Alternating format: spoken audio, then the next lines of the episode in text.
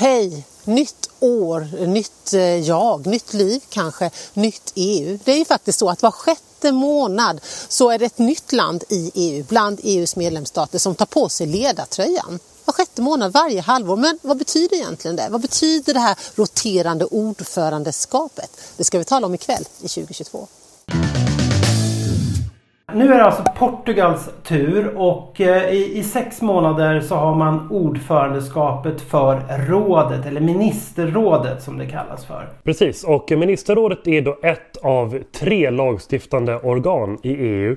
Det är kommissionen, det är oss, vi folkvalda i parlamentet och det är ministerrådet. Och i de här råden så sitter man ju då beroende på vilka ansvarsområden man har i respektive land. Så när jag var kulturminister då satt jag ju i rådet med de andra då 27 kulturministrarna. Nu är, skulle det vara de andra 26. Och så hanterar man då de frågor som berör just ens ansvarsområde. Och eh, för Portugals del då som ordförande så är det dels att man är just bokstavligen ordförande och fördelar ordet i i, de här mötena.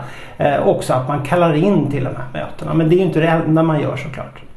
Nej, vid sidan av att kalla till möten och fördela ordet så är det också så att man sätter ramarna och prioriteringar. Man sätter agendan. Mm. Och för att det inte ska bli för hattigt, jag menar sex månader är ju inte så väldigt lång tid när det handlar om så här stora frågor. Så har man då en sorts eh, triangelgemenskap eh, för att det ska hänga ihop. Så Tyskland som nu har lämnat ordförandeskapet i Portugal och Eh, Slovenien som tar över efter Portugal, de har liksom i 18 månader samarbetat och haft lite utbyte för att hitta liksom riktlinjer. Vi kan väl ta och kika lite närmare på just vad de har för målsättningar och, och motto för den här sex månadersperioden. Ja, Portugal har ju då det här mottot om att man ska satsa på en eh, digital, rättvis och grön återhämtning. Och i det arbetet så har de identifierat fem stycken fokusområden och de är, och nu ska jag läsa till här, det är 1. Stärk Europas eh, motståndskraft. Det är två, stärka förtroendet för den europeiska sociala eh, modellen. Det är tre, eh, främja en, rättvis åter, förlåt, en, en hållbar återhämtning.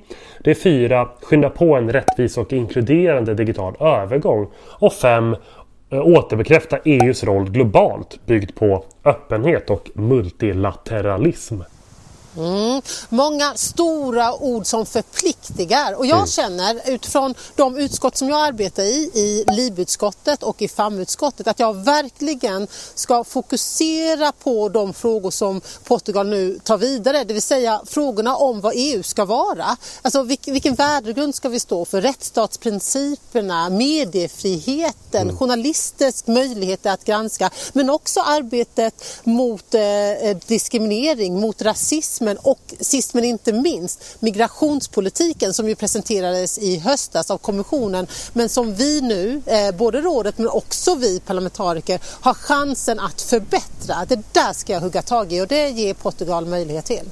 Ja det är bra Alice. Och för min del i miljöutskottet så handlar det såklart om att fokusera just nu väldigt mycket på klimatanpassningsfrågorna men också hela gröna omställningen i, i stort. Och jordbrukspolitiken givetvis att se till att kappen, jordbrukspolitiken, trots allt börjar röra sig mer i, och på riktigt i, i rätt riktning. Så att det inte bara stannar vid, vid fina ord utan att faktiskt all politik leder till en, en hållbar omställning.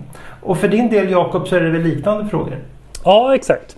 Och eh, Portugal har ju, har ju då sagt att de ska eh, inom ramen för den ekonomiska återhämtningen satsa på en dynamisk industriell strategi. Och det är frågor som hanteras i mitt utskott, utskottet för industri, energi och eh, forskning. Och då tänker jag se till att det blir en grön industriell strategi.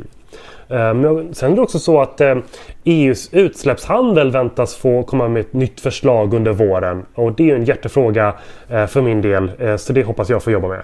Ja, det är ju som Per brukar säga vår paradgren som svenskar också det här med utsläppsrätter och inte. Så att ja, det finns otroligt mycket att göra. Här kan vi inte stå och frysa längre. Jag ser att ni sitter inomhus men jag fryser. Så att det är lika bra att jobba vidare, eller hur? Och säga hej. Och, och, ni som kikar ska prenumerera. Ja, gör det. ja. Hej då! Hej då! Så ses vi. Hej hej!